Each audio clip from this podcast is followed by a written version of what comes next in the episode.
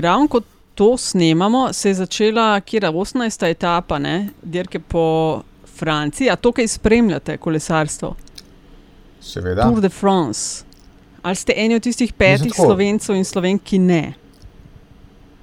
Spremljam, ne, jaz to spre, spremljam, se pa nimam za, za, za specialca. Ne? Samo ko jaz vidim tiste klance in ko si zamislim, s kakšno silo oni to vozijo, to je pa neverjetno. Ne?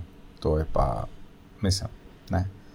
Ja, ja, jaz sem opazila nove delitve, spet, veš, Pogačar, Roglič in delitve, na kater šport je bolj eht, bolj ta prav, bolj vreden, da se mu reče, taj pa ta prav. Seveda. Skratka, to, smo ja, se, veš, to smo se že naučili, ko smo primerjali, kje je bil boljši, Ivo Danev ali Dražen Petrovič. Pa nam je bilo že takrat povedano, da ne moreš, ker ste igrali različne pozicije 30 let na razen. Ne? In potem ja, ti ja. pridejo ja. zdaj in ti primerjajo Dončiča in Pogačarja. Pa kako no? A veš? Ja, ja, to, ja. Eh, pa kaj še, Boruta Petriča, pa Roka Petroviča, ali kaj? Na članek od Uroša Esihane. Um, na več različnih stvari. Jaz sem na Twitterju malo zasledila ja, uh, debate v tej smeri. Članka nisem brala. Uh, ampak se mu res ni posrečil timing, ne? ker včeraj so pa razglasili še Dončiča v prvi peterki. se sem mu napisal na Twitter, ova noč ni bil tvoj dan. Ej, eno vprašanje, preden gremo um, na špico. A smo kaj rekli za te politbizarke? A so to bolj na začetku ali kam da damo to? A začnemo s tem? Začnemo pa na koncu razglasimo, kje je zmagovalka tedna. No? Ok, fair enough. Ja, ok, pa pa evo na dan z besedo, koga ste izbrali? Ali jaš se je hvalil, da ima tri? Samo eno stvar, polit bizarke, da na hitro povemo. So, imel, ti, ti si imel, Andraš, eno lepo uh, definicijo, kaj to je. Ne? To so bizarke, ki so povezane z notranjim političnim dogajanjem in so pač bizarke. In Tako. se dogajajo na družbenih omrežjih ali pa kjerkoli. Jih opazimo, povemo na glas in konc leta zmagovalca razglasimo. Tako. Tako nekako. Ok, izvoli, Aljaš. Ja, jaz sem sicer tri, ampak če sem že prvi, bom eh, odigral najmočnejšo karto in uh, nominiram tweet uh, nekdanjega državnega sekretarja, zdaj če prav razumem poslanca, Franca Beznika, ki je um, svoj od pasu na vzgor go selfie dal in se primerjal z Markom Madeljem, z imenom Fotko, ki je tudi od pasu na vzgor in uh, Tako, ne vem, tako malo lulčko mer se mi vse skupaj zdelo, kdo bo izgledal. Lulčko mer.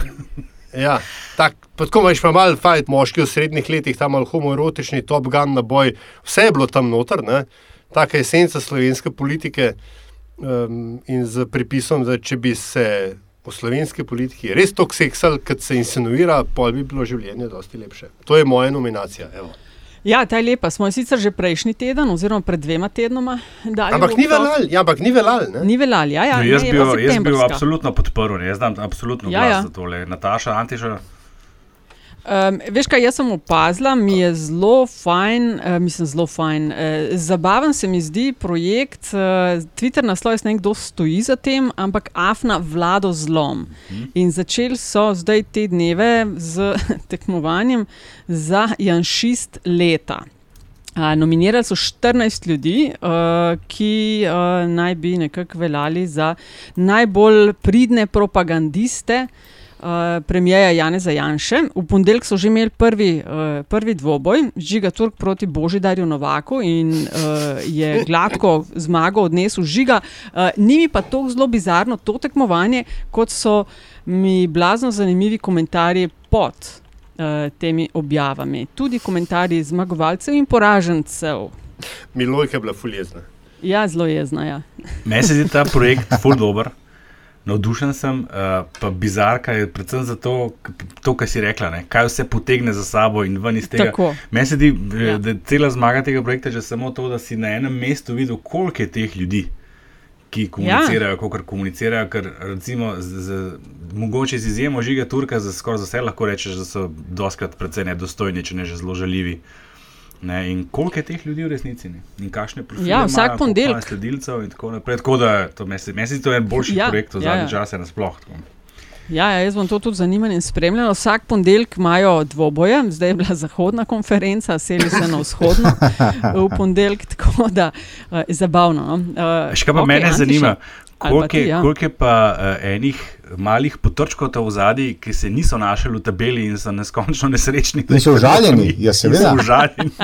to seveda. Čak se bojo, to bo uspešnica, pa bojo drugo leto razširili, pa ne bo sama. Veš, to je zdaj tako oži, 16 jih je sam. Boš imel še, še pokal narodov, kako že. Ja, ligo, to, usmina, to bo še prvi, drugi krok, pa kvalifikacije, to je še posla. Uh, ja, ja jaz, bi, jaz, bi, uh, jaz bi pa nominiral en tweet enega uh, mojega nekdanjega, moram reči, stanovskega kolega, uredniškega, uh, ki, je, ki mu je uspelo uh, v enem uh, lapsus komentatorjev na nacionalni televiziji, ki sta komentirala Tour de France uh, in sta očitno napačno poimenovala uh, uh, pra, uh, pravi, praznik uh, vrnitve primorske. Uh, uh, matični domovini. Iz tega je njemu uspelo narediti analizo oziroma to, ta lapsus aplicirati na odnose med strankami v državnem zboru, kar se mi zdi tako. Predvsej napeto in predvsej bizarno. Mm. Čakaj, še omenil si nekdani. Uh, kaj to pomeni, da se ne boš šel več novinarstva? Odhajaš na zapuščanje? Ne, ne, ne, ne. Oh, ne, daleč od tega. Jaz se novinarstvo še kar nameravam iti in to dolg čas. Je pa res, da je ta uh, neomenjeni kolega uh, Rekel, v zadnjih letih mu je uspelo dosanjati san samopravnega novinarstva in je uh, uh, prestopil med družbeno-politične delavce, ki pač so uh, uh, nominalno, seveda, tudi novinarji. Andraš, your turn. Ja, vidim, da tole bi skoraj lahko imenoval polit. Tweet bizarka leta, ki gleda to, da smo vsi neke tvite citiramo. Jaz ga bom tudi v bistvu, meni se pa vtisnil spomin v tem kontekstu Matej Tunin, uh, v, v videu uh, zaščite in ne vem kaj. Ne, super, to je bila moja druga, kar ja, moja druga ja. kandidatka. Valjda, krasno to moramo imeti, osebe varovane morajo vedeti, da so varovane in znajo, morajo biti znati biti varovane. Ampak da pa to objaviš s popolno resnostjo na Twitterju, to se mi zdi pa. Tako bizarno, da nominiram pa to za polit bizarko tedna. Zdaj lahko ja, z nestrpnostjo čakamo, kdaj se bo pustil z vitlom spuščati iz helikopterja, recimo, ali pa kaj podobnega. Ampak to je kot Boris Johnson, polo stov na vitlu. Vsi smo Jason Bourne ali pa James Bond ali pa ne. Čaki, Tom Cruise, pa Mission Impossible. Čakaj, še MacGyver je odigra. Jaz sicer jaz glasujem, klez, predvsem za Andraževo, ne, ker uh, jaz en, ne vem, ali je bil online ali offline, ampak en tak zelo odličen komentar uh, te Toninove, ne, tega videa sem slišal, da je bil pač Matej tako vesel, da končno najdu enega, ki se je pripravljen z njimi igrati, da je kar objavil. jaz, bi, jaz bi glasoval za uh, Andražov predlog iz izključnega razloga, ker je časovno bližji um, objavi tega podcasta. Ker če se jaz spomnim, je kazanje bicepsov, tricepsov. Uh, prsnih mišic in mišičnega tonusa moških v zgodnjih in poznih 50-ih letih, že dva tedna star, če se ne motim. Medtem ko je Andražev, je iz tega tedna. Da, ja, čakajte, zdaj ja, se moramo malo zmeniti. Zdaj je to malo zmešano. Jaz sem zelo zlomljen za natašen predlog, absolutno sem že prej tudi razložil. Nekaj pa ti čaka. Ma, veš kaj, čak, dajmo se zdaj nekaj zmeniti. Mi smo na dva tedna na vrsti. Ne bi rajš, ne vem, septembrski plus, a rabimo mi to nekaj glasovati, kaj pa če bi ljudje. Tle je ful dobrih predlogov, to kar nekaj pol zgubimo. Ampak se eno res ne zanima, katerega od predlogov kolegov podpiraš. Lej, zase svojega ne bom, uh, mi je pa zelo všeč bil ta Tonino, ker jaz pa podpiram take objave, jaz jih pa želim čim več. Tako da jaz ja, upam, da bo to spodbudilo še koga. Guys with guns. Imamo očitnega zmagovalca, ali pa damo samo še na glasovanje po objavi. Tako, žirija je glasovala, zdaj mora pa še ljudstvo to narediti. Torej, zmagal okay, cool. je Matej Tunin z naskokom. Na drugem mestu vlado zlom in potem s enim glasom tweet Franca Beznika in pa tweet kolega. Neimenovanega samopravnega. Tako, ja. U, jaz moram pa malo paziti, sem na vrtljivem stolu, vidim se kar vrtim, pa grem kar stran od mikrofona, upam, da se je slišal. Okay, gremo. Pred nami je časna naloga. Poverta gospoda Hojsa, v kateri je ponudil odstop še zaprt. Zaradi tega, da bomo kupovali transportna letala, ki nam bodo pomagala v času krize. Tukaj ne gre za vprašanje mojega odstopa, ampak gre za vprašanje prihodnosti stranke. Neke vrste zmenek rušiteljev temeljnih vrednot Evropske unije. Več afer, kot bodo sproducirali, bolj bom grizla in sekala lovke. Mi nismo ničesar plačali, tako da eh, v tem primeru zagotovo ne gre za goljofijo. Te razprave ne bom nadaljeval, pa ne zato, ker ne bi bil poguben, ampak zato, ker eh, nisem neumen. Ker se je bi ga nekdo mora boriti za otroke. Ko bi sedel v avto, pa bi me vprašali, na katerem vinku pričakujete, da bo srečal koga. V imenu svojih najbližjih in v božjem imenu vas pozivam na lov. Uživajte, dokler lahko. Hvala lepa.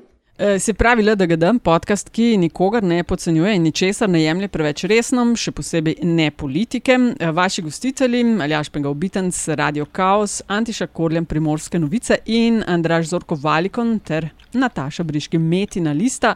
Na dva tedna smo na vrsti, vsak drugi petek, vsakič znova pa lepa, lepa hvala za podporo v vseh oblikah in tudi investicije, ki jih uh, namenjate našim vsebinam. Uh, novička, mogoče za tiste, ki ste na Spotifyju, no tam so ponovno tudi vsi podcasti uh, Metine Liste. Čak kdo od nas je, Andraš, ti si ne? Ja, sem čisto na Spotifyju. Ja. Ja, no, zdaj smo mi tudi tam tako da se nas da tudi tam dobiti. Um, ok, pol gremo pa kaj na teme. Mal smo debatirali, kaj bi, spet bi lahko desus, ne? pa ravno ko objavljamo to epizodo, je na dnevnem redu interpelacija odstopljenega eh, ministra Hojsa. Ampak smo rekli, da bi mogoče to epizodo vsem se pa mal bolj posvetili opoziciji, za katero smo družno ugotovili, da ji premalo pozornosti posvečamo. A, mogoče upravičeno, ne vem, bomo videli, kaj je. Nataša, oprosti, Nataša, oprosti. čemu bi se posvetili? e, likom čemu, in čemu? delu. Čemu? A ja, imamo mi to. Ja, eh, obstaja eh, to no, pri nas? No, lej, na zadnjem protestu in tale danes ob objavi epizode bo že 22. po vrsti. Eh, na zadnjem protestu pa so protestniki po pozivih kot stopu vlade tokrat naslovili tudi vprašanje opozicije in sicer, kaj boste pa vi storili. In predlagam, da mogoče to. Uh, tokrat malo podebatiramo na stranko uh, natančno, uh, kaj bodo storili, kaj delajo, kaj sploh lahko naredijo. Uh, kdo želi začeti?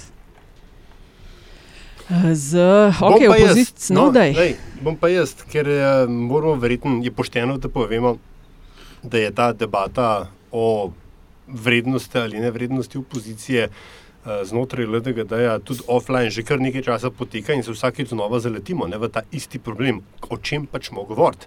In um, mogoče se je več ravno zdaj vendarle nakazuje, mogoče neki, neki primiki. Um, SD je ravno včeraj, no, se mi zdi, lansirala nek svoj kvazi proti predlog eh, glede demografskega sklada. Uh, ampak se mi zdi, da je opozicija na splošno mečkan na zadnji nogi ravno zato, ker se zdaj dogajajo stvari, ki so se jih oni, ki so jih oni želeli uvesti, pa nikoli niso dobili, nekaj, ko so bili v oblasti politične moči ali pa konsenza, da bi jih uvedli, se pa zdaj dogajajo zaradi zunanjih vzrokov. Pač, se pravi, tele pač socialne olešave, pa um, demografski sklad, pa še, pa še kaj tasga se najde. Recimo tudi tole, kaj je. Kaj je že Bratušek, SAB hotla imeti, ne? brezplačna uh, vožnja za starejše občane ne?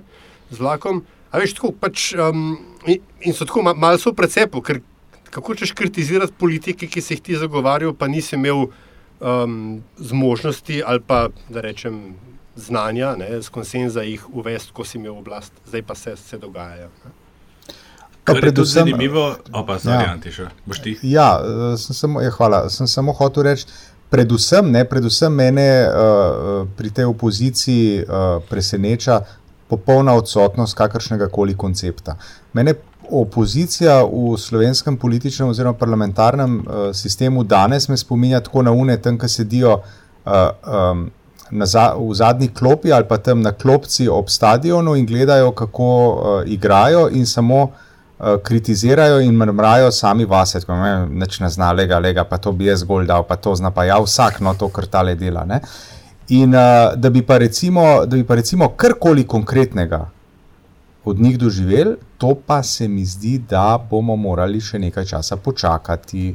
Uh, in mislim, da so repi za mer ki so bili zasejani v času Šarčeve koalicije, še zelo, zelo močni in bo moralo preteči še nekaj časa, da bodo te zamere pokopane. Uh, in mislim, da bodo uh, v prvi vrsti morali zase najti, oziroma da bodo morali najti, najti um, motiv, da se te zamere pokopljajo. Kaže tudi ument, da je štiri dni nazaj minilo na tanko pol leta od ustoličene nove vlade. Ta opozicija, ki je, ki je danes opozicija, je imela po pol leta takrat bore malo za pokazati, če se spomnimo. Se se takrat, če se spomnite, smo se sprašvali, o čem pa lahko govorimo, ko smo hoteli ocenjevati delo vlade, ki jo sestavljajo stranke današnje opozicije. In glede zlomka, spet smo na istem, za istimi strankami. In to je kar do neke mere lahko precej katastrofalno.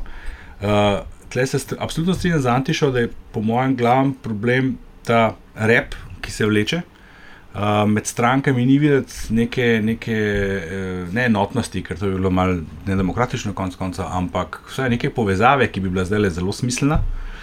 Uh, vsak deluje malo po svoje, tle se mi zdi, da če grem stranko po stranko, se mi zdi, da je edina stranka, tle, ki je res konsistentna v svojih dejanjih, je levica. Uh, levica ti, ja. Oni pač uh, govorijo, počnejo isto, kar so počeli prej kot opozicija, kar so počeli vmes kot neka kako so že rekli, ne polna pozicija, da če so bili pol polna pridružena, pozicija, pridružena, pridružena ne vem kaj. In kar počnejo sedaj. Spravi njihova, njihova dejanja, oziroma uh, izjave in tako naprej so konstanta, ne glede na to, ali so oni polna opozicija, ali so pridruženi, ali so kakšna opozicija že. Pač oni imajo agendo spremeniti družbeni red, ta ni v redu, ok. Ne? In s tem lahko nagovorijo tistih 10-11 odstotkov ljudi, pa par takih, ki, ki tja pribežijo, zato ker res nimajo več alternative. Ne? Pa imamo opravka z eno stranko, ki je po, čisto po naključju tam, kjer je, ki je padlo v naročje, neverjeten dar, da je vodila vlado eno leto in pol in, in zaključila, kako je. In to je zdaj opozicija. Mislim, meni se zdi, da če se ti že kot uh, nova stranka ne znajdeš v vladi, da se bo še toliko težje v opoziciji. Ne. In to, kar počnejo oni, se mi zdi neč drugega, to sem že enkrat omenil, kot ena dost slaba kopija z leve strani tega, kar počne SDS na desni. Ni mogoče tako agresivno, pa tako izrazito, ampak v bistvu forma je pa dosti podobna.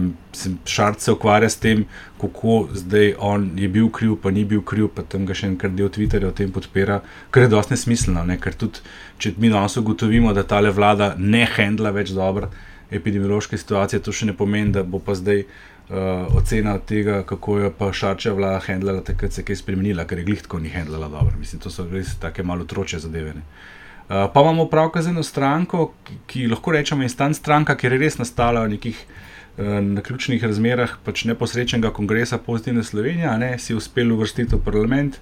Preživela, ki ni, ki, ki, se, ki se razen poslanca Mandelja, pa tu pa tam Bratuškove, ki, ki pove, da so pa zdaj te vladniki uspeli nekaj narediti, kar so oni hoteli oglasiti, ampak njih več ali manj ni, imam občutek celo, da, da gre za neko načrtno uh, strategijo, da jim se ne izpostavljati preveč. Ne leti po drugih, ker se je že večkrat izkazalo, da manj ko se izpostavljaš, uh, boljš ti boljš stojiš na lestvicah uh, priljubljenosti oziroma podpore strank. In če sem prav videl v nedavni raziskavi, seveda, tle moramo spet omeniti intervale zaupanja in tako naprej, ampak uh, se jim je to celo zgleda, kot da obrestuje. Ne? In pa je še večna, večna stanka, edina konstanta uh, eh, 30 let plus 45 podlage uh, eh, SD, ki je pa na začetku, po mojem, zelo dobro štartala. Oni so takoj uh, prevzeli, uh, oziroma dal vedeti, da bodo poskušali prevzeti liderstvo v opoziciji, dobili so enega novega poslanca, dali so si narediti uh, template, opozicija, in potem so še zamenjali predsednika, tako je izgledala kot zelo zdrava, zrela odločitev. Zajahali enega konja, zapolale so zastave, vihrale in šli so na 20% skoraj na ameriških rizikah. Zdaj se mi zdi, da se je pa kar naenkrat ustavili, da pa ne vejo čisto točno, kaj zdaj s tem narediti. In ja, zato, da zaključim, da so tudi navznoter te štiri stranke so med sabo dosta tako. Jaz, jaz le ne vidim. Mislim, če one zdele, vsaj tri od teh, ne, ker levice si le res ne predstavljam, ne razmišljajo, oziroma se ne pogovarjajo, kako naprej, potem je že danes jasno, kako se bodo volitve 2022 razpletle. Um, se mogoče je to dobro vprašanje, ne, uh, liderstva v opoziciji. mi smo imeli že v času prejšnje vlade, je bil pač ta išil, ali se bo liberalni blok povezal ali ne. Uh, pa je šlo to itek zdaj na pol, pa je en košček liberalnega bloka ostal v vladi, dva koščka sta šla pa ven. Uh, a veš, a je odnos med največjo liberalno in največjo social, edino socialdemokratsko stranko, uh, a veš, a je kle, pač preveč te, te zamer, kot je Antiša rekel, a imamo sploh politika v političarko na, v, v vrstah opozicije, ki je sposobna presežti ali pa sposoben ne, presežti te zamere. Ma jaz, jaz bi tako rekel, da um, v proporcionalnem sistemu, kakršen ga imamo mi, je ta um, uh, poimenovanje vodja opozicije nekaj, kar ni, bi rekel, uh, samo po sebi dano. Se pravi, Janez Janša se je vzpostavil kot vodja opozicije v obdobju, ko je on bil v opoziciji, ker je bil z naskokom najmočnejša stranka. Uh, ki je uh, zelo uspešno tudi uh, ostale stranke v opoziciji, vsaj politično sorodne stranke, jih je nekako bi rekel, spravil pod svoj, pod svoj vpliv, pod svoje okrilje in tako naprej. Ne. Zdaj, na, na um, uh, sedanji situaciji imamo, kot si rekel, Aljaš, imamo socialdemokratski, pa imamo liberalni blok znotraj opozicije. Um, tukaj je vprašanje, kdo bo zdaj med njima prevladal. Mislim, da sta tako uh, Marjan Šarec in uh, kot Tanja Fajon, sta medijsko spretna, dovolj močna ego ta mata in da se tukaj utegne ponovno razplamteti nek boj, ki pa seveda uh, ne bo šel v dobro uh, opoziciji kot recimo enotnemu bloku. Kot je nekdo rekel, nekdo je že rekel, mislim, da nek poslanec ali kdo že je minister. Da opozicija je pa tukaj itak samo zato, da vlado vrže. Ja, ponavadi je to tako v svetu, veste. Uh, In uh, kako se bodo oni med sabo zmenili, bo zelo zanimivo gledati. Oba sta tudi ambiciozna politično, preimenovana politika, tako da jaz uh, z zanimanjem bom to opazoval. Glede nesodelovanja in zamer, ki ste jih uh, vsi malo omenili, ne, uh, gotovo to smo poslušali drugo polovico uh, LMŠ vlade, Predvsem se mi zdi, da je intenziviralo na tistih evropskih volitvah, ko so se dogovarjali za skupen nastop, potem pa sta Cerar, nekdani premijer, pa Bratušek, nekdanja premijejka in je aktualni takrat premijer Šarec stopil v sobo in njima je v petih minutah oba sklovtal in rekel: Ne bomo sodelovali. Ne? Ja, takrat se mi zdi, da je zelo. Ja. Podelite eno anegdoto. Na ključe je hotelo, da sem tistega dne, tisto uro in tisto minuto šel. Uh, čez Šubičevo in sem videl tam dva znana obraza, ki stojita obkrožena z še nekaj znanimi obrazi novinarjev. Ne. In seveda, ne, jaz sem bil uh, radoveden in sem se tam ustavil. Torej, tako dolgih obrazov, kot uh -huh. uh, sem jih takrat videl, se lahko, da sem to že povedal, pa se upravičujem, če sem. Uh, Vsi, ampak na Alenki, na Alenki Bratušek in Miru Cerarju, jaz že dolgo nisem videl in mislim, da od tlej še tudi ne. To je bilo ja, tako no, razočaranje, da. Ja, to je zelo dobro, da si to izpostavlja, Nataša. To se mi zdi, da je bil ja, ključen trenutek te... razpada tako. kasnejšega te koalicije, te... da je bila to ena samošečna poteza, zelo samošečna, zelo nepremišljena uh, strani Šarca. V tistem trenutku je ta blok dokončno razpadel in s tem tudi upanje voljivcev teh treh strank, da bi mogoče vse dosegli kaj več. Ne? Ja, Ampak, veste, Marjan Šarc je na to potezo ne? ponosen, ne? to pa ne smemo, uh, uh, ne smemo spregledati. Predvsej zgrešeno. Ne? Ampak, kdo je v politiki, ne zamere, veš, je uh, pametno za dolgoročnejše strategije, kdaj tudi. Uh, te sekire zakopati. Se mi zdi pa vsem, da se mogoče manjši premiki tukaj dogajajo, da sta ob tej ustanovitvi demografskega sklada, zdaj SD v, v sodelovanju s sabo, ne vem, če ste opazili, vlagajo neke svoje boljše predloge kako bi lahko uh, se ta sklad financiral. Ne? Skratka, je videti tudi v skupnih nastopih v javnosti, vsaj zasledila sem na družbenih omrežjih, da se povezuje, pa konec koncev tudi uh, interpelacija Hojsa je nekaj, kjer so stopili skupaj. Kar se pa levice tiče, kar si mislim, da Andraš ti omenil, da dvomaš nekako, kako bodo šli zraven. Uh, na protestih je bilo slišati, pa mislim, da sem ujela tudi izjavo koordinatorja meseca da uh, ja, zdaj pa bi razmislili o sodelovanju. To, kar se jim je prej zdelo, ali bo po naše ali pa highway. Se mi zdi, da so zdaj uh, videli, kaj so alternative in da so pripravljeni mogoče tudi na uh, kakšne kompromise, ker na protestih ne, oni niso bili izuzeti. Ne iz tega, kaj opozicija boste naredili. No, govorili so vse, ne, tem, da uh, oni pa SD, oziroma predstavniki določene SD-ja se udeležujejo protestov in tega ne da ne skrivajo, ampak tudi javno objavljajo. Ne. To je bila ja, pa tudi neka vrsta zauščenja. Kar je kar pofel.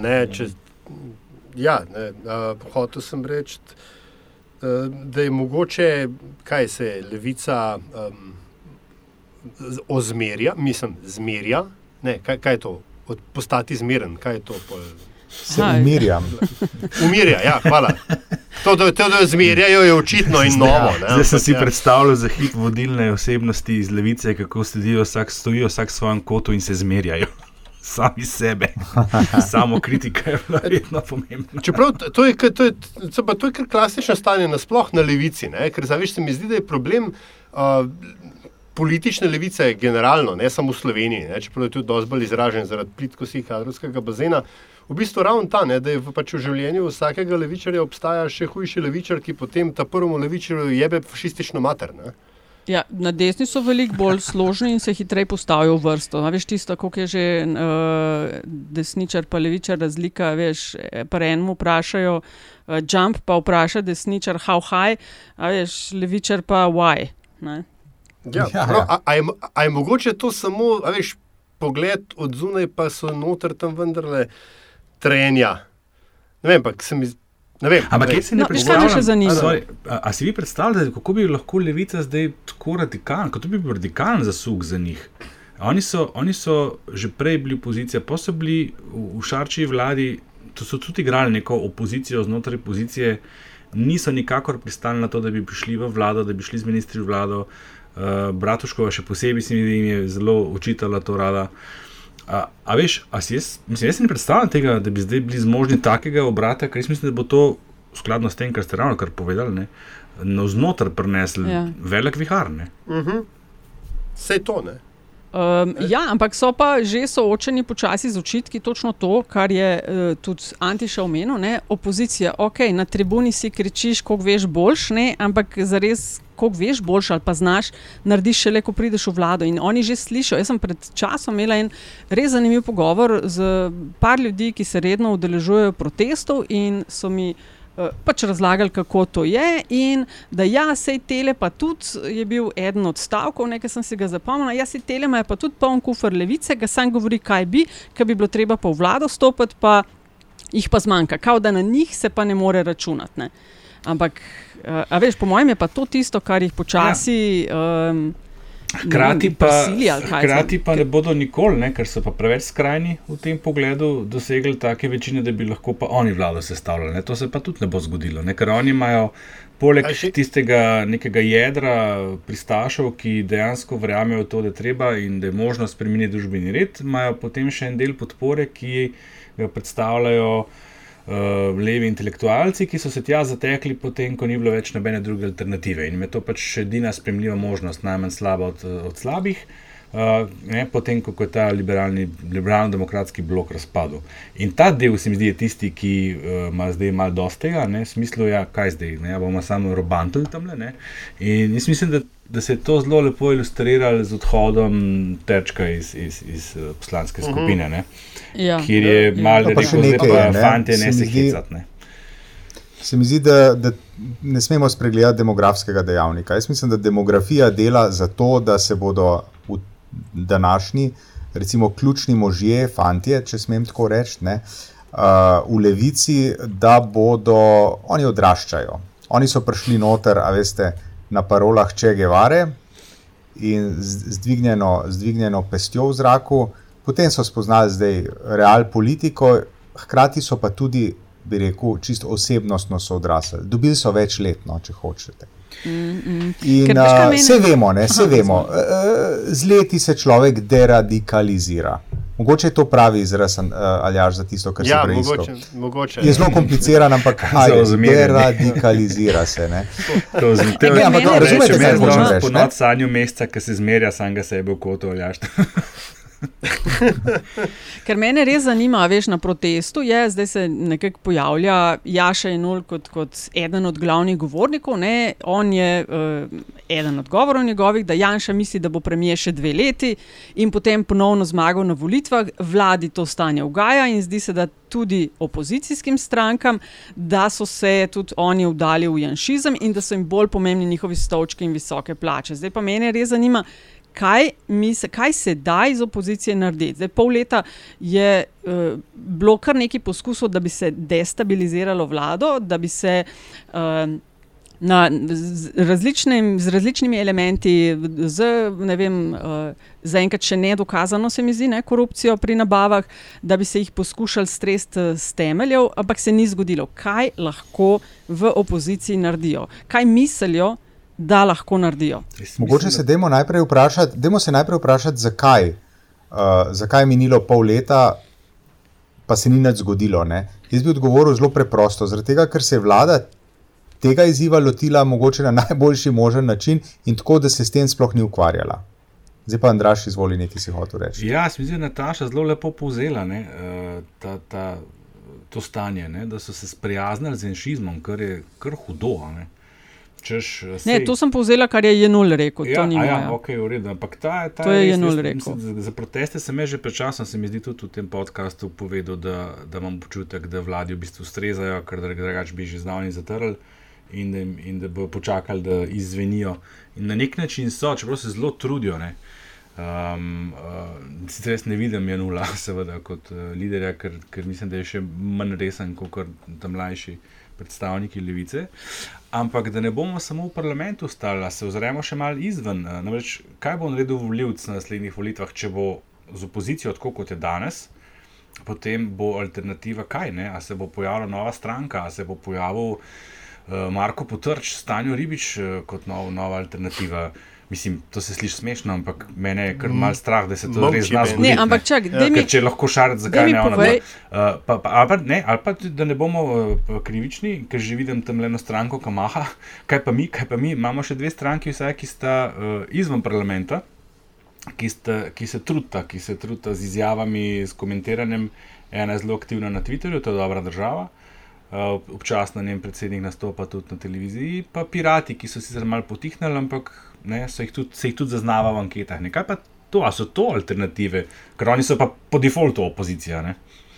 Tudi opozicija. Ja, ampak čak, da mi ti najprej to povej, ok, koalicija, njim, njim je všeč, uh, so, ne vem, kruhoborci. Ampak kaj opozicija s svojimi 39 glasovi lahko zares naredi? Kaj jim učitajo, da niso naredili, pa bi lahko naredili? A, jaz lahko le uletim, ne? ker je odkup, mogoče ne, bi bilo opoziciji uh, dobrodošlo, oziroma bi bilo za njo koristno, da bi se šla opozicijo, ne pa da bi se šla vlado v senci. Češ, mi lahko zdaj takoj nazaj prozamemo. Ne, ne morete, ker, ker, ker vam je vlada razpadla, ker ste pokazali, da ne morete med sabo se zmeniti in, in te, te države voditi. Opozicija v proporcionalnem sistemu se ve, kaj dela. Opozarja uh, proceduralno, nagaja ali pa ovira, išče luknje uh, in preprečuje executive overreach, ki ga koalicija ponavadi samo pač štempla in, in, in pač mu daje zeleno luč. To je naloga opozicije. Tako, in na nalogo... koncu pride do glasovanja, in nimajo glasov. Kaj ne, ne lahko naredijo? Nimajo glasov, imajo pa glas, Nataša. To je ful pomembna pa razlika. Ne, pa ne samo to, dajmo samo korak nazaj. 30 poslancev lahko zahteva referendum. 10 poslancev lahko uloži interpelacijo, poslanska skupina lahko uloži predlog zakona. Te stvari mora opozicija delati. Mogoče so, so vzalud, mogoče ne bojo nekam pripeljali, ampak zato imamo parlament. Parlament ni tam zato, da bo samo dajal zeleno luč vsakokratni vladi, rekel: Ja, izvolite, seveda, predajemo vam ključe do, do, do, Mislim, do te države. Konec koncev, Nataša, poglej SDS. Poglej SDS. ja. Spomni se SDS-a v opoziciji, kaj so počeli. Se spomnim to, in nečem mi ratal. Ne, pa kako ni res, Nataša, le kje so dobili. Dobili so ustavne sodnike, dobili so zakone, dobili so o, o, projekte. Vse se je dal zato, ker, so, ker je takratna opozicija, ki je zdaj na oblasti, za razliko od trenutne, zna igrati strateško. Pa predvsem pozabljamo, da SDS ima krat dva ali v nekaterih primerjih krat tri poslancev, kar imajo stranke, ki so trenutno v opoziciji. Vem, ampak, gleda, tukaj, In 30 let so tam tukaj pridemo spet do vprašanja liderstva. Veš, ali se lahko ta opozicija, ki je zdaj zmen za 5-6 potez projektov, ne vem, strateških ciljev, reče, od tega nam opustili, kle bomo ovirali, kle bomo imeli svoje ideje. To je eno. Ja, ja. In, drugo, veš, in, in drugo, čez dve leti so volitve, a bomo takrat imeli eno listo ali ne vem, levi demos. Ali bomo šli vsak po svoje, ali se bodo liberalci zmenili. Vse take stvari. Okay, zdaj smo čez dve leti. Skratka, skratka, odgovor na taši se glasi, če sem. Uh, če in se z njim strinjam, ne? jaz ga bom samo artikuliral. Naj današnja opozicija preštudira, kaj je SDS delala večino svojega obstoja od leta 1991 sem, pa bo videla, kako naj ravna opozicija. Zaradi tega, ker edino ja. na ta način si zagotovi uh, airtime, si zagotovi mesto v medijih uh, in lahko to proda kot konstruktivno, uh, konstruktivni prispevek k razvoju uh, države. Ne, tri točke Tako, bi jaz izpostavil. Pač ne, ne, Prva je, bolj kot težiš s vsemi temi postopki, ki je prepovedal, večjo pogajalsko moč imaš.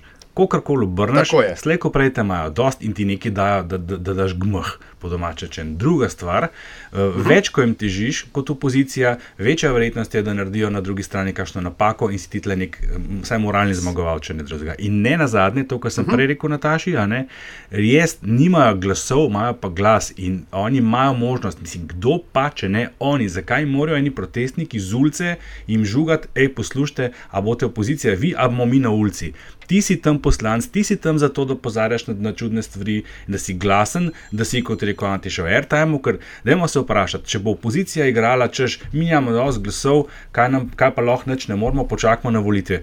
Kolik, V katerem primeru bo prišlo več voljivcev na, na volišča? V tem, ko bodo oni glasni, ko se bodo trudili, ko bodo opozarjali, ko bo skakalo krok, ali če bodo tam čakali v miru enem kotu na volitve. In točno to, kar je rekel no. Antiša, poglej, kaj je delo SDS, a vidi, kot so stigli. In še nekaj, no. ne? Ne, tukaj je treba, nekaj je treba povedati. Ne?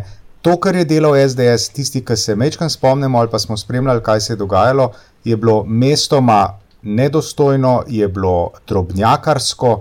Jaz bi samo spomnil, kakšne prepire uh, so sprožili v tej državi, kdo bo sedel na svečani večeri, ko mislim, da je bil Bill Clinton v Sloveniji, ko je bilo na vsak način treba povabiti tudi predstavnike opozicije. Se tega spomnite? -huh. To je bilo totalno nepotrebno, tot, ampak oni so na ta način postavili agendo in so se pojavljali v medijih. O tem smo vsi poročali in oni so dobili priložnost o tem povedati svoje. In I, sem prepričan, da so tudi s tem marsikoga pridobili na svojo stran. Ampak da ne bo nesporazumno. Ne, ne kličemo po tem, da ne bo opozicija eh, taka, kot je bo SDS, kar se tiče komuniciranja, pa nedostojnosti, da ne bo slučajno kdo naročil. Seveda, razumel, absolutno. O... Ker to je bilo trolanje, preden je ta izraz nastal trolanje. Ja. Oni so trolali v politiki že leta 95. Ampak še nekaj, jaz bi eno drugo, bolj mogoče pozitivno uh, noto tukaj dodal. Ne. Trenutna opozicija je videla sama, kaj se da narediti, če si pozoren in če se vladi mudi. Se pravi, da tudi vlada nima neskončno časa za to, da se, da, da pač se igra igro izčrpavanja okoli postopkov. Ko so sprejemali drugi, oziroma za nekatere prvi proti, protikoronski paket, ki sta bila noter, tudi tisti, ki so hodili NVO izključiti, pa 103, pa 104, še ne pa vse to, ko je opozicija uh, naredila džumbus. In, je, in so potem uh, izčrpali vlado uh, na nočni seji odbora Eve Irgl, kjer je of all people Miha Kordiš naredil to, kar mora opozicijski poslanec narediti, so, so jih prisilili v to, da so oni potem tiste zakonske predloge umaknili oziroma umilili. No. To, to mora delati opozicija. No, jaz bom sam rekla, dan, vsak dan. Sam rekla bom, hvala lepa za artikula, artikulacijo vseh teh idej, ker se mi je zdelo, to je bila načrtna igra in si, težko sem se lotila tega vprašanja, da vas moram malo sprovocirati, da pridemo do A, B, C, D. Kaj se da delati in kaj se da doseči. In protestniki in protestnici imajo prav. Ker opozicija namreč. ne dela dovolj. Če se ne bo nič zgodilo, ne, nič od tega, pa moralo bi se res to, kar si zdaj rekla, A, B, C, D, vse zgoditi. Kaj se bo potem zgodilo pred naslednjimi volitvami? Dobili bomo neko novo stranko na levi, ki bo konkurirala levici in to bo izhajalo iz protestniškega gibanja.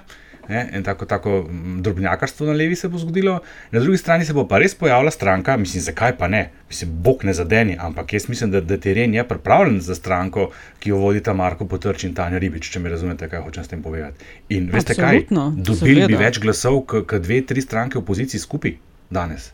Žal to tako je. Mene je tega res strah. Ja, ja. Ne, Veš lej, kaj? lej, lej, Ne, mis- mislim- mislim, se, da ne, ker- Ko ti enkrat, Ne, to- ne, ne, jaš, ne. ko ti enkrat razpade volilna baza, je vse možno. Ne? Šarec je bil Andraž- poskus v tej smeri, ki se ni posrečil, ne? on je dobil samo 12%. Ne? Ampak ta, ta, ta levo-demokratski, oziroma liberalno-demokratski blok voljivcev, ki je odnegdaj največji v Sloveniji in ki je vladal, v bistvu, oziroma odločal volitve, je zdaj res razpadel. Ne? Ja, veš, hotel sem sam to reči. Mogoče, ampak do takrat, ko bosta, ko bojo Tanja Ribič in Marki Potrči delali stranko, bomo imeli, mi že 5G tehnologijo in vemo, kaj si oni o tem mislijo in nam mogli sploh komunicirati. Sej, seveda, ne Eh, mislim, da bo a to konkretno mi ona dva, ampak. zdaj- ne. Ja, ja, sej sem A z veš, malo, ne. z malo začetnico Marki Če, Potrči. če je Ja. lahko šarec, potem je lahko kdorkoli v resnici. Ne? Ja, dober, no, lej, bil je župan ne tako majhnega Okej, mesta. Ma, ma okej. vendarle ima executive Ajde, experience. no, ima executive experience. Imamo pol vsaj še Uh, 220 kandidatov v Sloveniji. O, Jaz bom vsak, pa vsak sam- župan, ko se zjutraj pogleda v špegu, vidi premijeja. In si reče, če je lahko ja. on, lahko tudi jaz. Tako je. Jaz bom samo še eno kostko vrgla noter, pa predlagam, da pol gremo res na zadnjih 30. In ta kostka nima veze z ničemer, o čemer smo zdaj govorili, je pa tako, poglejmo, kaj še kdo kaj dela. Jaz bi samo opozorila, uh, zelo spremljam in uh, lepo dela. Eh, Gospa Ljudmila Novak, evropska poslanka, dela uh, odlično kampanjo za predsednico leta 2022. Sam to bom noter vrgla, pa bomo mogoče v kakšni epizodi. Kaj več o tem rekli? In to v epizodi, ko govorimo o opoziciji, si jo namenoma izpostavlja, ker ona doskrat igra opozicijo, a ne? Tako, tako. Tudi. Um, tako da, no, Ljudmila Novak na Twitterju uh, zelo dobro nastopa. Uh, ok, zdaj desu smo rekli, ne bomo, ker ne vemo, kaj sploh še kaj reči. Uh, zdaj predsednica stranke ostaja, oziroma je v odstopu, konec novembra je zdaj nov datum, ko naj bi bil izredni kongres Desusa. Ne? Sam jih je dobro sad pelala. Do, Gantarja. Uh, do takrat Gantar vodi, ostaja ona podpredsednica, ne, dokler ne zberejo novega predsednika oziroma predsednico. Ampak, ok, to je deso, smo rekli, da danes ne bomo. Kar se interpelacije tiče, a kdo pričakuje kakšno presenečenje, sam to.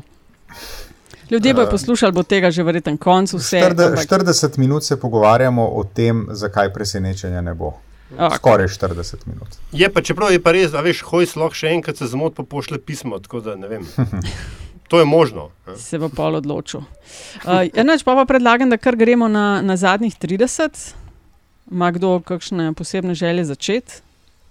Um, bom spet jaz roko dvignil, uh, samo zato, ker ga nisem mogel čist preveriti resničnosti citata, ne, ampak je predober, da bi ga kar tako spustil. Uh, s, nekje sem zaznal uh, citat uh, avtorja Medvedka Puja, ne, um, kaj že A.A. Milne, ki je dejal, da je njegova definicija patriota ta, da je patriot tisti, ki drugim ljudem očita, da niso patrioti. Ok, dalje, Antiša. Ja, jaz bi se Recimo. po nekaj časa uh, vrnil spet na Netflix in bi priporočil uh, dokumentarec o usponu in življenju in karieri Silvija Berlusconija z naslovom My Way. Ne? Hint, hint, to je pesem, ki jo je uh, nekoč prepeval Frank Sinatra. Ki so mu pripisovali marsikakšne povezave, sicer je pa zelo zanimiva, uh, zelo zanimiva zgodba. Uh, predvsem zato, ker vemo, seveda, uh, Silvio Berlusconi je eden tistih, ki mu lahko so pripišemo uh, radikalen padec uh, kulture komuniciranja v javnem prostoru. Tako da toplo, toplo priporočam na Netflixu My Way. Andraš, če dovoliš, bi jaz nadaljevala, ker sem tudi na Netflixu. Izvoli. Opozorila bi uh, prav tako imeniten dokumentarc z naslovom Social, The Social Dilemma. Uh, raziskuje in govori o usponu družbenih omrežij in naši odvisnosti od njih. Uh, tehnične eksperte, ki so pomagali narediti to, kar imamo danes, je danes na smrt strah tega, kar so sami naredili. In v dokumentarcu pripoveduje o tem, kako so bili prvotni nameni sicer drugačni, danes pa se skuša z algoritmi in uh, mešetarjenjem s podatki, predvsem čim več uh, zaslužiti. Govori o tem, kako se zlahka vpliva na izide volitev, iz ljudi pa dela odvisnike. The Social Dilemma na Netflixu. Jaz sem imel lep namen, da bom zaključil letošnjo sezono in zadnjih 30 v tej epizodi še z enim čudovitim posnetkom iz kraljestva Škržatov. Ampak, nažalost, je teh škržatov tukaj toliko kot je turistov, to je nič. Uh, ob tem bi rad opomnil, da sem šel iz rdeče države v rumeno cono, bom, eh, ki je v rdeči državi, in se bom vrnil v rdečo državo in upam sicer na double negativ izničenje karantene, ampak najbrž ne bo. Skratka, bom eksperimentiral še malo s tem. Kar bi predpostavil, je pa uh, neverjetna, butasta in zamujena in sploh eno priložnost uh, Slovenije, da Istro loči od Hrvaške.